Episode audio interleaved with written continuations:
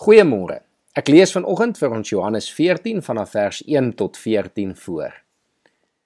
Julle moet nie ontsteld wees nie. Glo in God, glo ook in my. In die huis van my Vader is daar baie woonplek.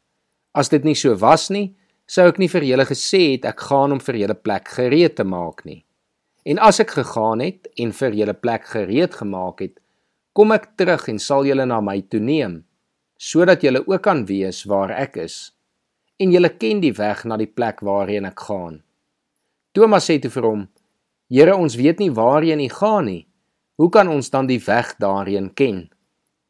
Jesus het vir hom gesê: Ek is die weg en die waarheid en die lewe. Niemand kom na die Vader toe behalwe deur my nie. As julle my ken, sal julle my Vader ook ken. En van nou af ken julle hom en sien julle hom.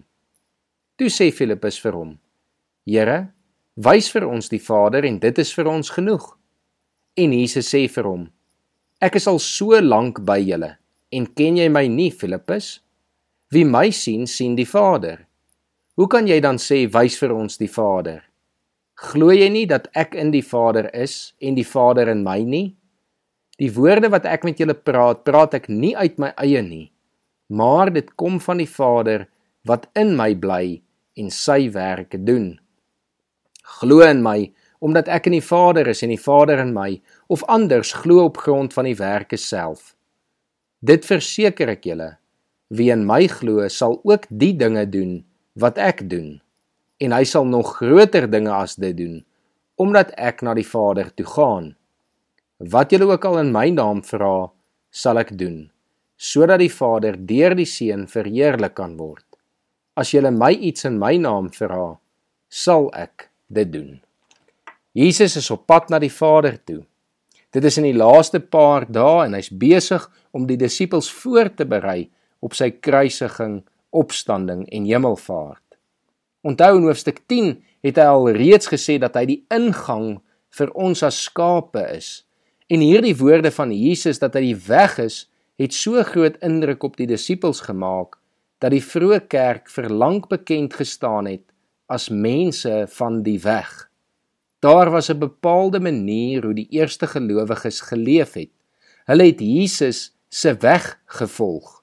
Sy manier, sy voorbeeld het hulle gelei tot die enigste manier wat die moeite werd is om te leef. Hierdie weg het hulle ook tot die Vader gelei. Jesus kon die weg oopmaak na die Vader want hy is waarheid. Daar is geen leuen in hom nie, geen sonde nie en daarom kon die dood ook nie hom vashou nie. Daarom kon hy die skeiding wat die sonde tussen God en mens veroorsaak het, uiteindelik breek en so die weg na die Vader oopmaak vir almal wat in hom glo. Daarom het hy die ewige lewe en is hy vir ons die lewe en kan hy die ewige lewe gee vir ons wat glo. Hoe dankbaar kan ons nie hieroor wees nie. Mag jy vandag in Jesus se weg leef, getrou aan hom as waarheid, met die wete dat dit tot die ewige lewe lei. Kom ons bid saam. Here, dankie dat U die weg oopgemaak het vir ons om met U as God verenig te wees, te versoen te wees en te kan weet, Here, daar wag ewige heerlikheid op elkeen van ons wat in U as waarheid glo. Here help ons vandag om in u weg te gaan leef, om u voorbeeld na te streef en u hierdeur te gaan verheerlik. Amen.